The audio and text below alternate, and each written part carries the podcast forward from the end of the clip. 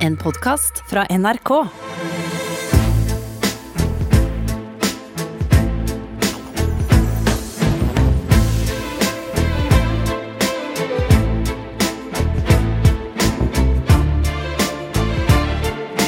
Trump mot verden.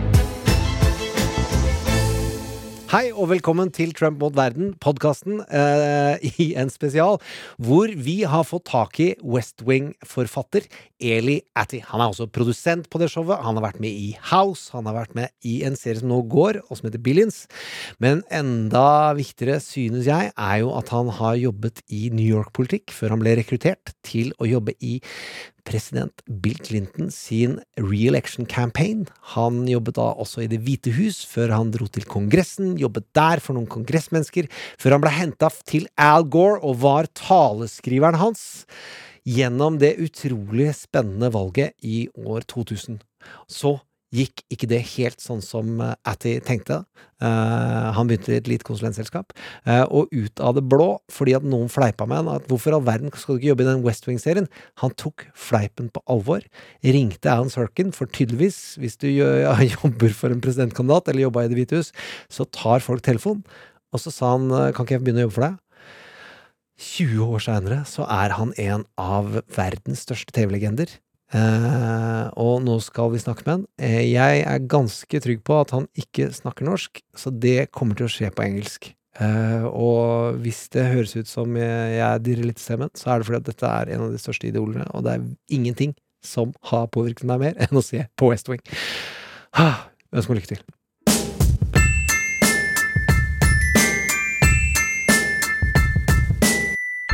Trump mot verden. Welcome, Mr. Eli Attie. It is a great pleasure and a considerable amount of honor that one of Norway's biggest West Wing fans actually gets to talk to you. Uh, and uh, we must say hi. You are in Los Angeles. How are you doing? Yes. First of all, the pleasure's all mine. I'm in Los Angeles, uh, where I work and live, and where the vast majority of American TV shows are written, if not always filmed here. Uh, and uh, it's we're also in the middle of a heat wave, so I'm quite happy to be indoors doing this and not outside. Uh, let's jump back in time and let's say you are in season six of West Wing and somebody comes in and says, uh, We need a new kind of Republican character, and we think the best presidential, uh, presidential candidate to challenge Dos Santos is Donald Trump. How would you describe the situation in the room? I think we would have rejected that idea pretty handily um, because one of the problems with Donald Trump is um, he doesn't really follow the rules of logic. So most of the things he does, if you put those in the brain of a fictional character, it would be somebody. It would be somebody you know mentally ill, somebody crazy, somebody who does things that don't actually make sense. Drama is all conflict. Drama is all basically I have this intention and there's an obstacle in the way of my achieving that intention. Trump doesn't seem to respect or obey even the laws of gravity.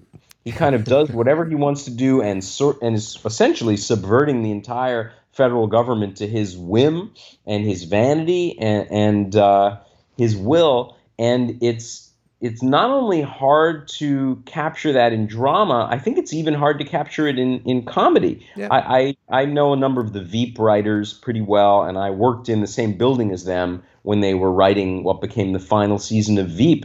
And they were ripping up scripts at the last minute, you know, constantly feeling that Trump was so absurd that how how could a, even a, a, an absurd comedy about the White House match the absurdity of the news?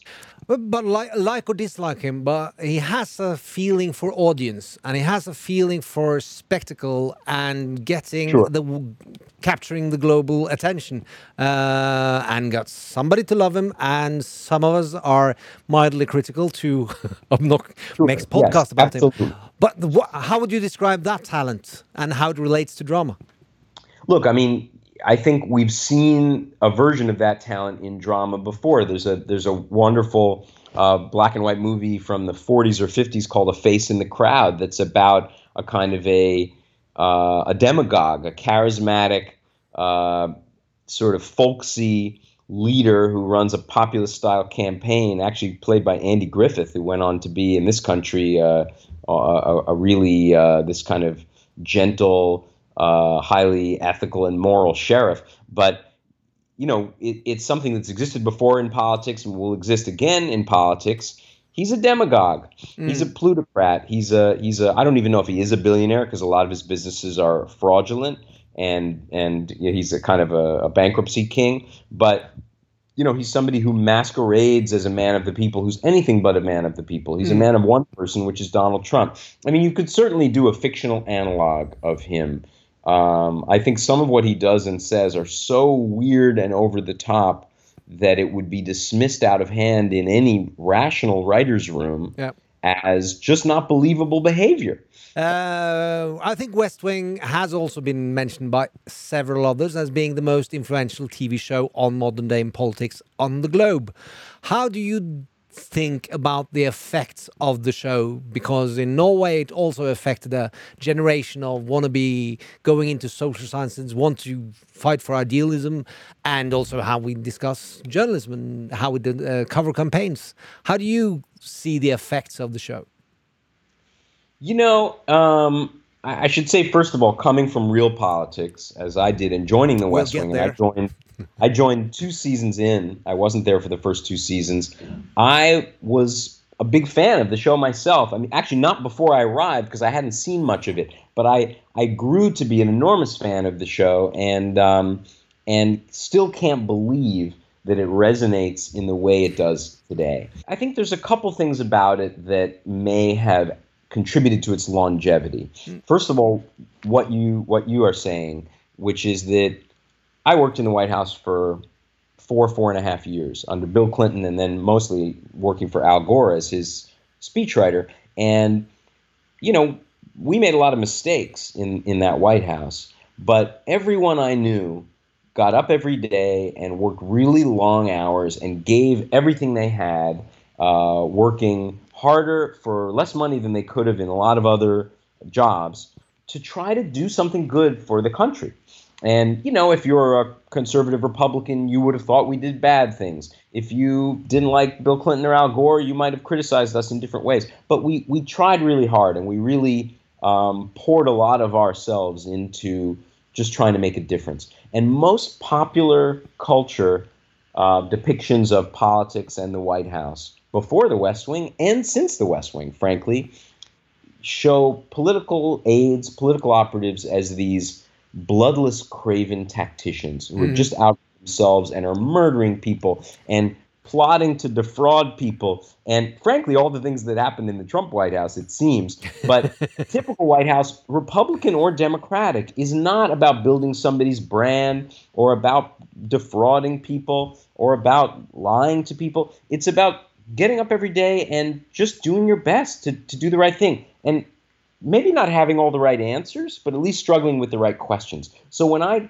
started watching The West Wing, when I got to The West Wing and started working on the show, it felt closer to my real experience than anything I had seen about politics up to that point, frankly. Mm. And that's not to say there isn't some cynicism in politics. And a movie like, say, The Candidate, the Robert Redford movie from the 70s, yeah. I think is a wonderful and in some ways accurate movie about the dark side of politics. But there's a lot of great stuff there too. And so I think one of the reasons political people loved the show was that it felt it felt real.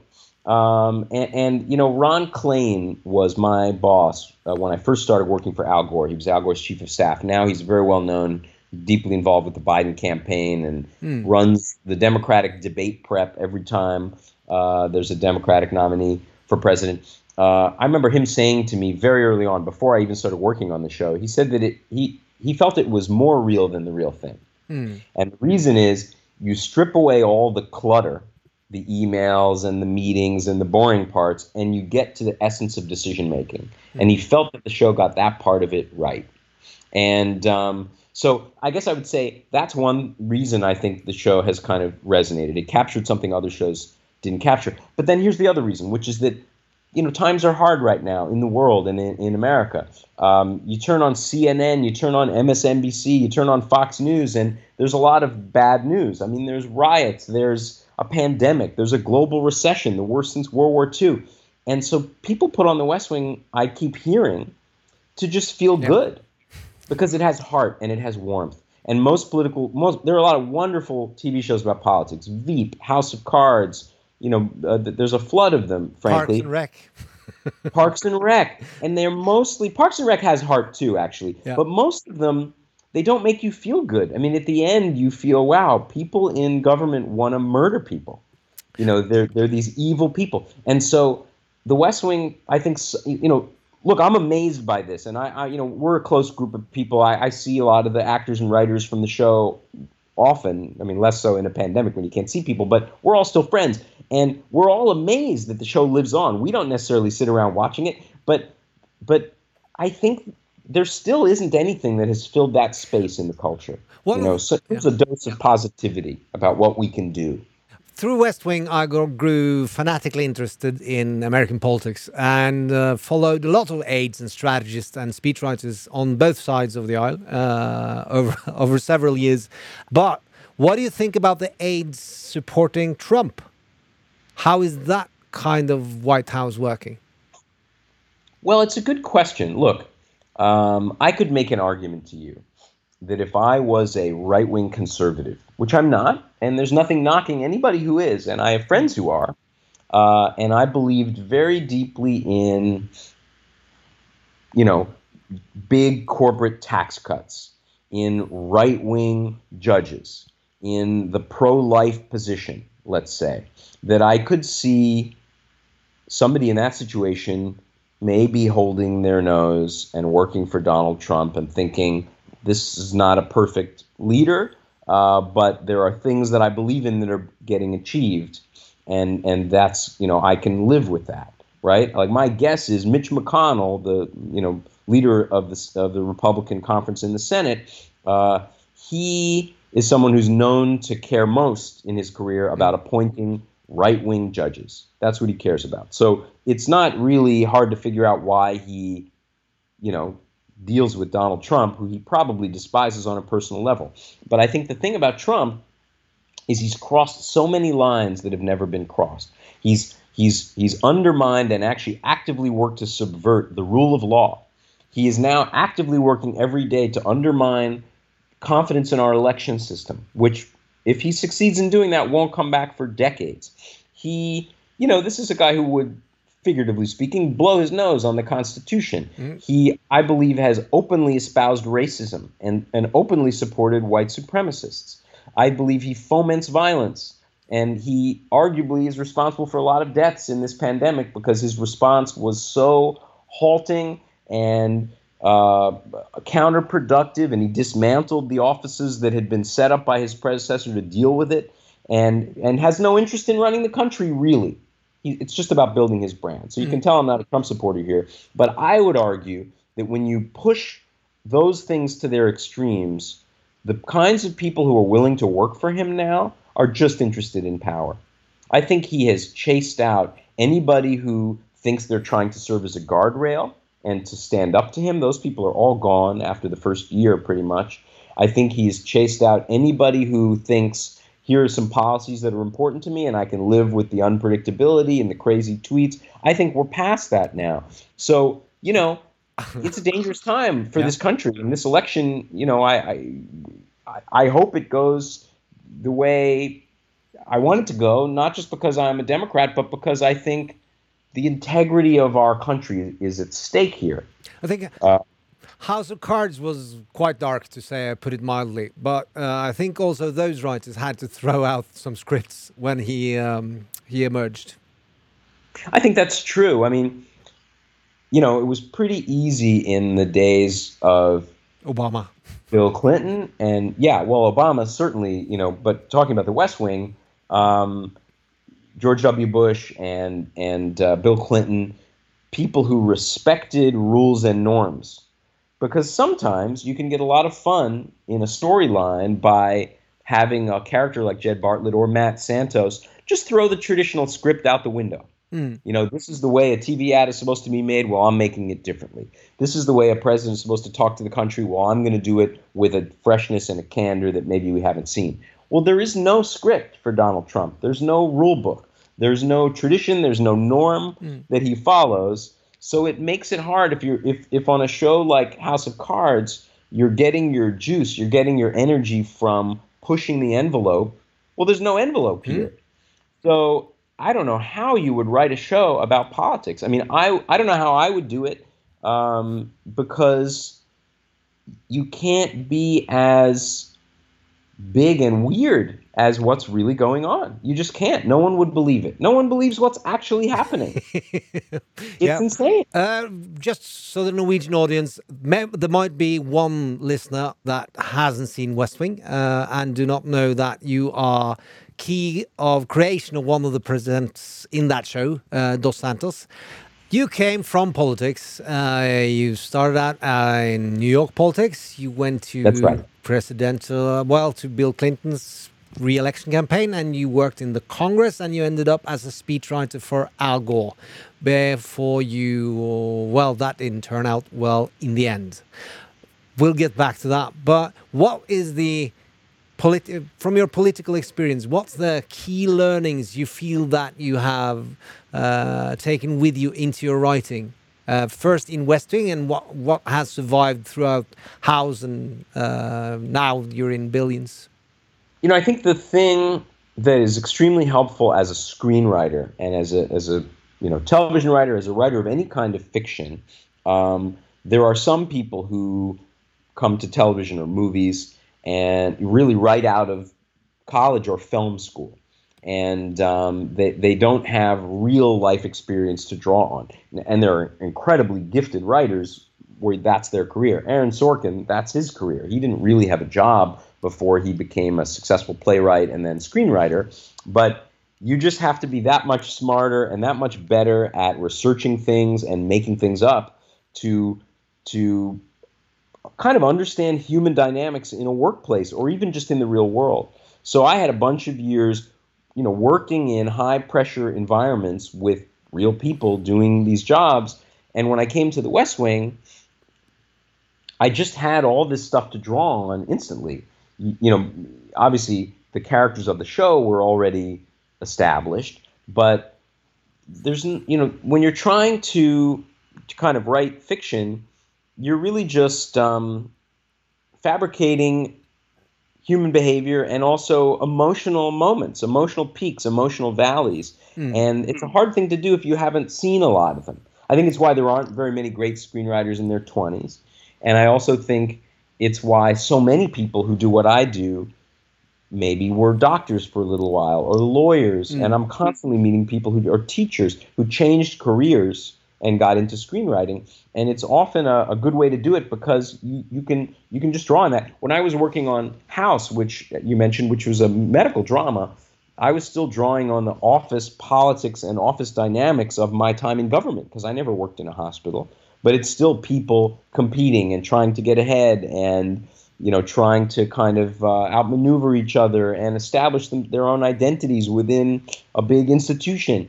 And so I think I'm still drawing on those experiences because I'm well aware that working in Hollywood, writing a movie, working on a TV show is not typical life experience. It's you know, it's Hollywood is really interested in itself, but I think most people are not that interested in watching stories about Hollywood. Well, uh, yeah, and you have the West Wing speeches, and you have major political speeches that actually affects and delivers almost the same kind of emotionality. What's the similarities between a West Wing speech and an outstanding political speech? I'll tell you one of the similarities right now, which is that in my time on the West Wing, uh, very often a lot of the West Wing speeches, grains of them or or big chunks of them were taken from real speeches. Mm-hmm. Um, I was often drawing on things I had written for Al Gore or things that I had, you know, written for other people. Uh, you know, uh, there's a story that I've I've told before, but um, now I can't remember the title of the episode. But well, in season three of The West Wing, um, Gray Davis's office, he was the governor of California, reached out to Aaron and asked him, "Would you write just some some rhetoric uh, that Governor Davis can use in his State of the State address to talk about September 11th mm. and you know, horrible thing that had just happened a few months earlier. and uh, just send us some rhetoric. And you know, Aaron was very honored to get that call, and he called me into his office, and you know, I, I just started working for him, and he said, "Okay, you're a speechwriter. Would you write something, and then I'll play around with it." And so, you know, I wrote something, and then he did a little bit of tinkering, and we both were really pleased with it. And he sent it to Gray Davis's staff, and uh, it was never used.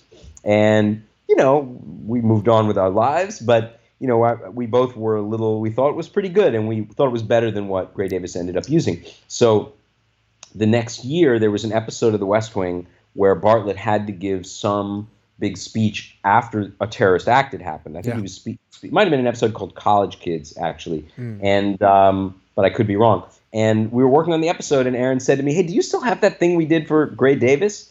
And I just dusted it off, and we put it in Jed Bartlet's mouth, and it got a bunch of attention and was on YouTube not long after it. Uh, after that, although YouTube might not have been around for another year or two, but you know, it, it, it I mean, both of us were thinking, you know, Gray Davis should have used this thing.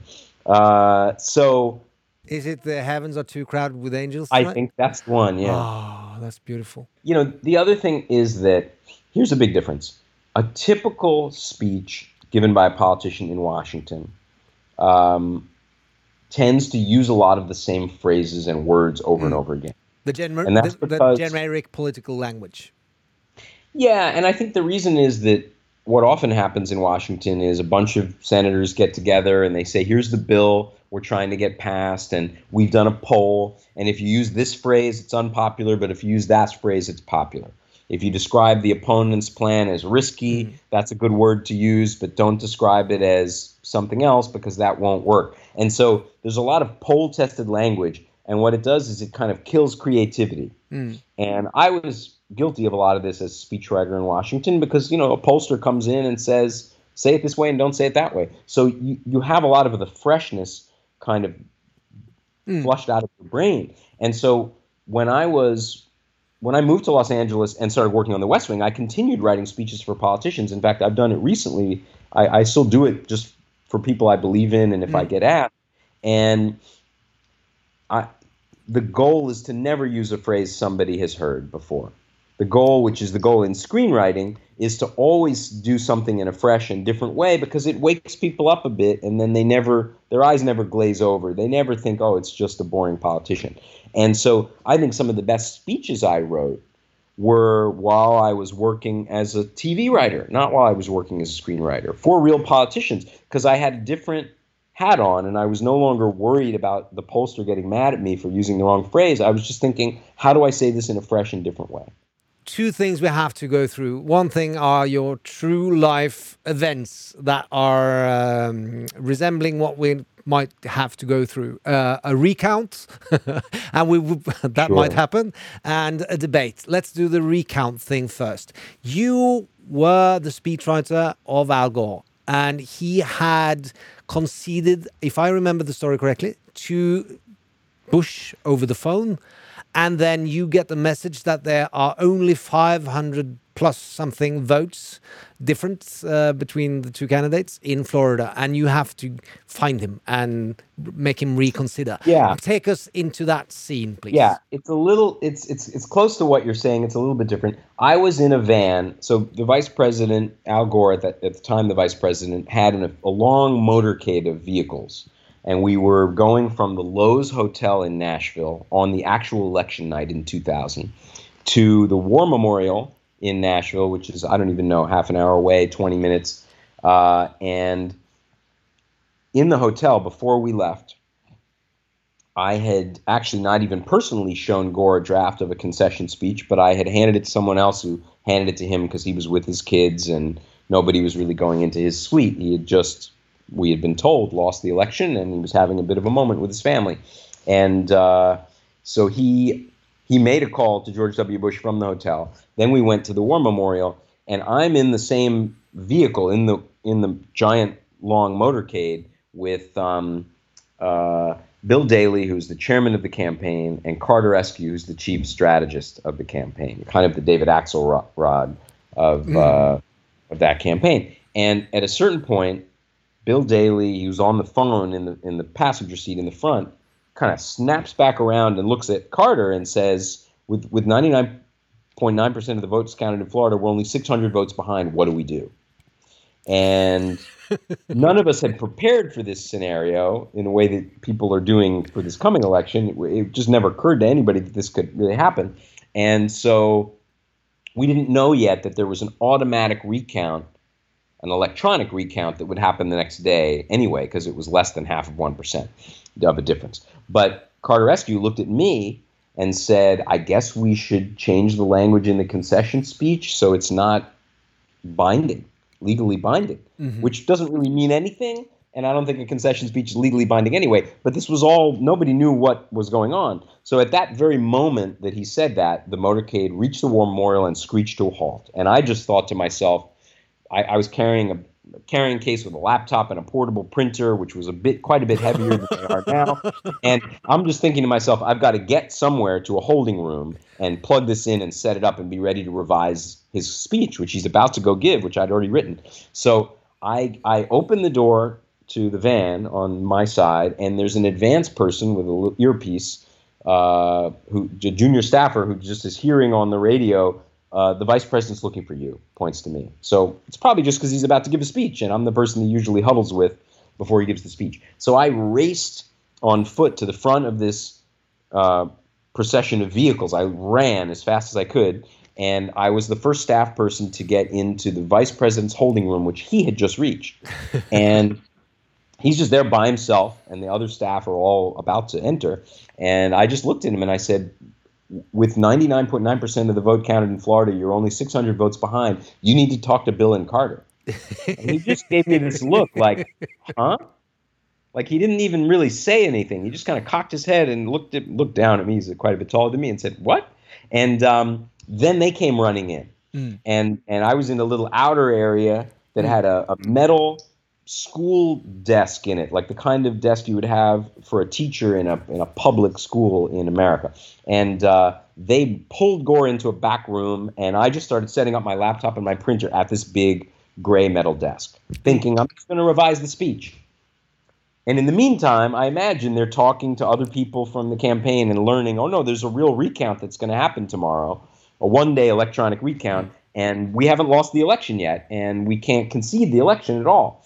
So Gore comes out, and from this desk that I'm setting up as my workstation, he calls George W. Bush again and retracts the concession. And there may be 10 of us at this point standing around the desk, and I'm just listening to his end of the conversation, which was amazing because um, I didn't hear Bush's end of the conversation, and this has been in a lot of books, but um, at one point there was a pause, and, and Gore said, Well, your little brother doesn't get to make that decision. um, presumably, W had, presumably W had said, "Well, Jeb says I'm fine in Florida," or something like that. Mm. And then Gore said, after another pause, "Well, you don't have to be snippy about it." And um, those are the two things that I sort of remember to this day. And, you know, he hung up the phone having retracted his concession, and we all just kind of burst into laughter. But it's like the laughter of learning that the terminal cancer patient has maybe shrunk a tumor. Mm. I mean, we thought we were dead, and suddenly here we are still alive. So then the quick decision was quickly made um, to not concede, and Gore wanted to go up and give a statement of some kind to to all the people waiting, and just basically say we don't know what's happening yet, and go home and get some sleep. And and I was the one who actually said I don't think you should be the person to make that statement because it'll seem like you're protesting an outcome you don't like here. Yeah. And so yeah. Bill Daley went and gave a statement, which I wrote with a lot of people yelling in my ear, you know, at that laptop. But yeah, that was a crazy night, and and you know, we we definitely did a version of that on the West Wing of sorts in the Jimmy Smits Alan Alda election, mm. and who knows what's going to happen this November third. That's the relevance. What's your advice to Biden uh, this November when uh, now it looks like the results won't be ready election night and it might take one week and two week and three weeks and you probably follow the numbers as well where the mail-in ballots will come in late and they will have a bigger amount of democratic votes. So trump might be have the most votes on election night but it will slowly grow towards biden. That's what the researchers say now. Yeah. Anyway how not to lose the narrative yeah, here here's the thing. I mean, I think that uh, Democrats in this country are famous for being their own worst enemies.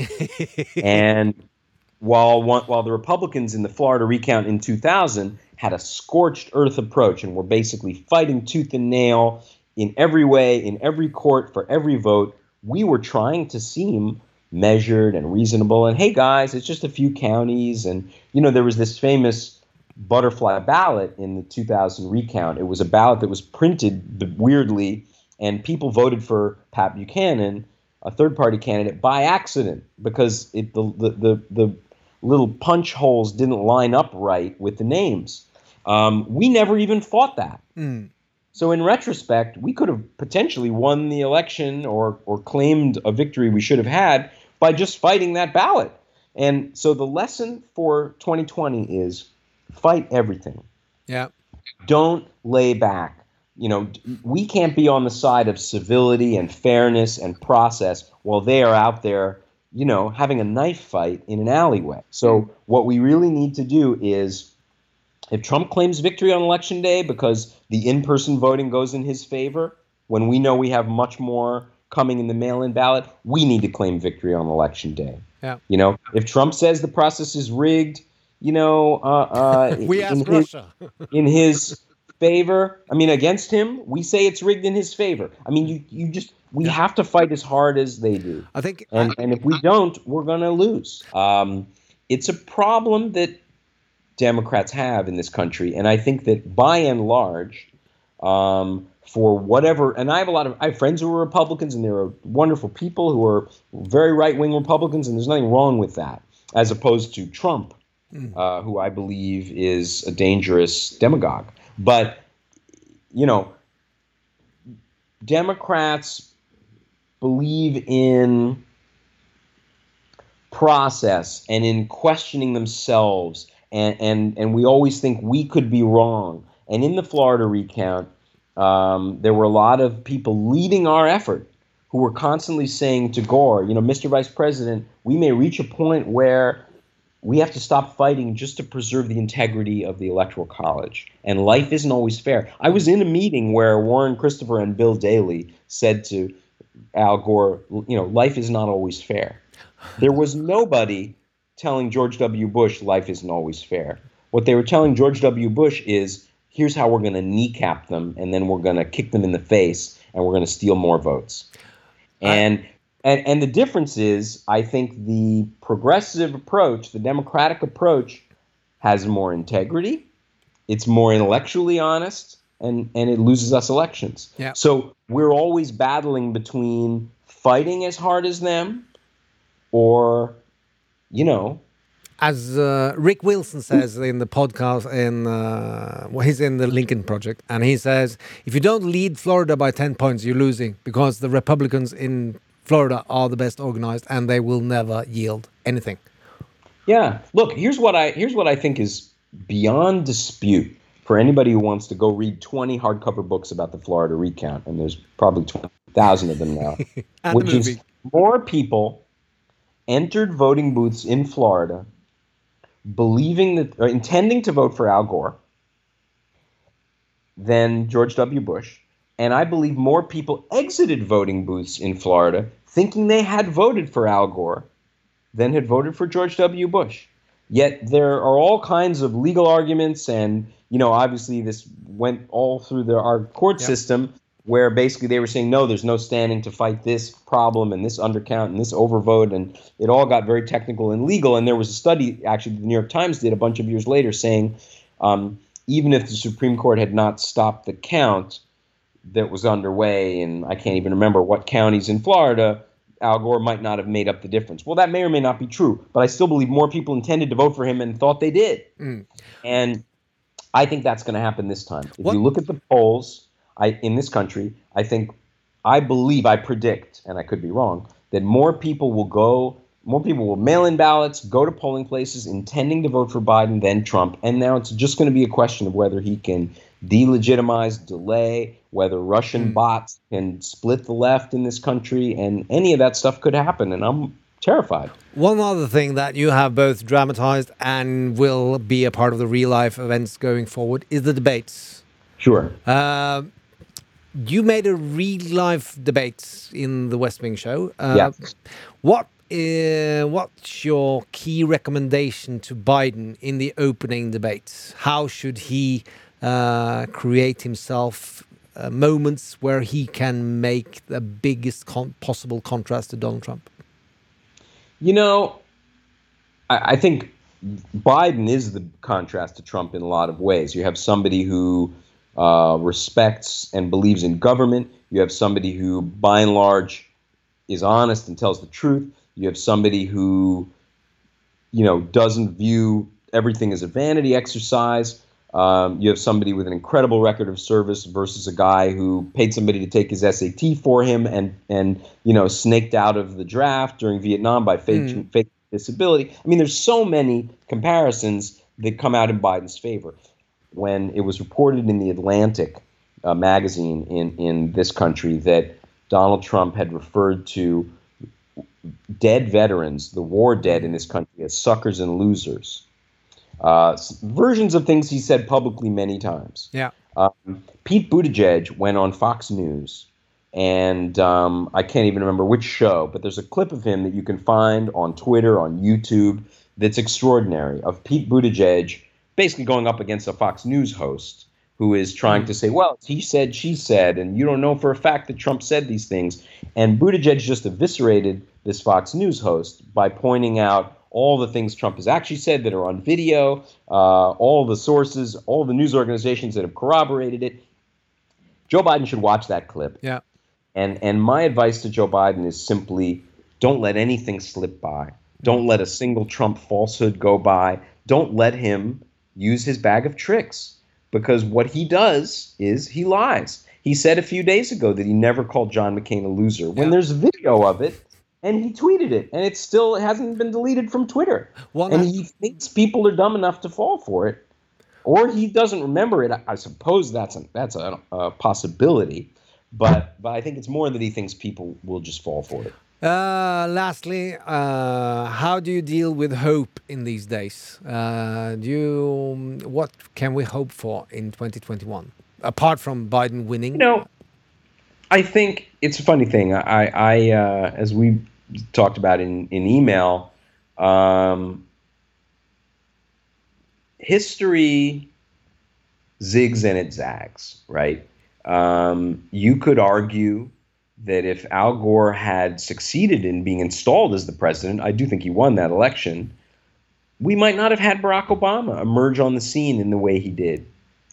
Um, and, you know, something is going to come out of Trump being president that people with my politics are going to find refreshing and wonderful. I hope it's Joe Biden and, you know, another uh, eight years of at least of Democratic rule. But it's never a straight line. And I guess I've I've seen enough of it. George W. Bush was a president I disagreed with on everything and thought he did things that were terrible.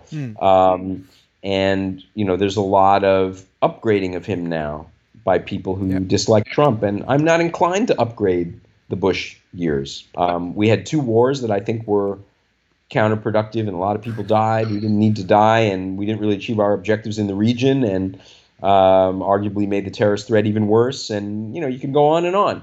Um, so I think you just you just have to keep that sense of there's a grand sweep of history. We're not always going to be on a straight line toward progress, as anyone defines it.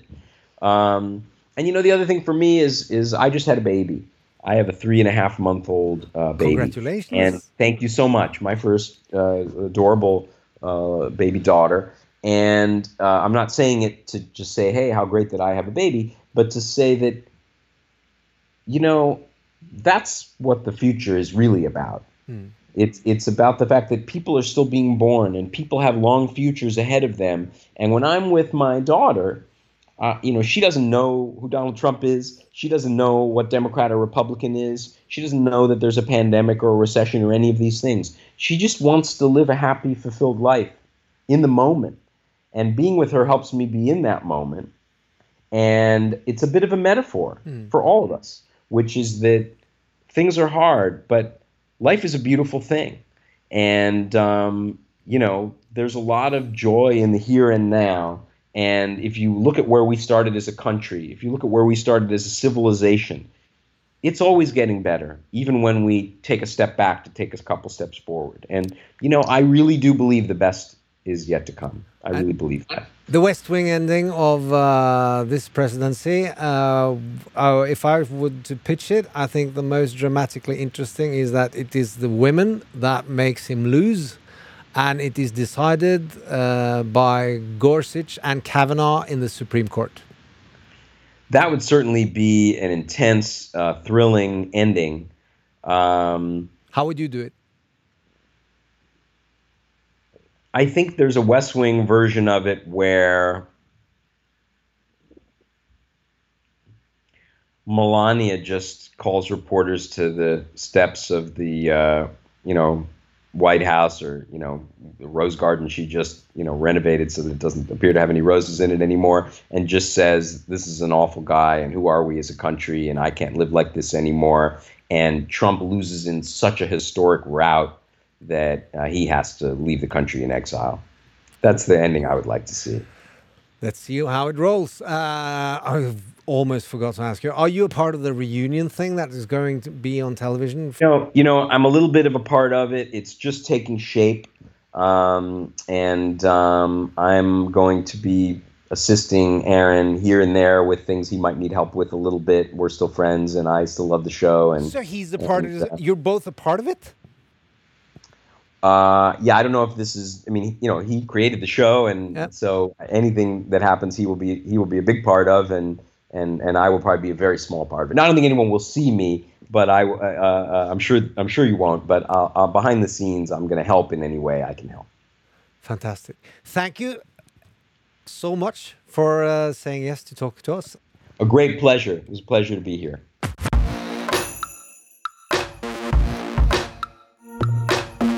Trump mot verden. Du har hørt en podkast fra NRK. Hør flere podkaster og din NRK-kanal i appen NRK Radio. Hei, jeg heter Kristine og har lagd en podkast om følelsene våre. Jeg syns det er kult det, når folk er sånn skikkelig forbanna på deg. Før jeg begynte, så ante jeg ikke at ydmykelse ble kalt følelsenes atombombe. Han har på en måte satt meg på plass så grundig. Eller at Bergen var skadefrydens hovedstad. skal innom at jeg hadde skadefryd for Boris Johnson. og Jeg håpte faktisk at Donald Trump òg hadde korona. Eller at Bob Dylan ikke hadde vært Bob Dylan uten bitterhet. Teksten blir bare verre og verre. Du har nå lovet å holde meg i hånden når jeg dør, da. Så vi får nå se om det er fotballkamp da eller ikke. I podkasten Følelsen får du høre historier fra innsiden som veldig ofte tyter ut. Last ned podkasten Mellom oss og hør serien Følelsen i appen NRK Radio.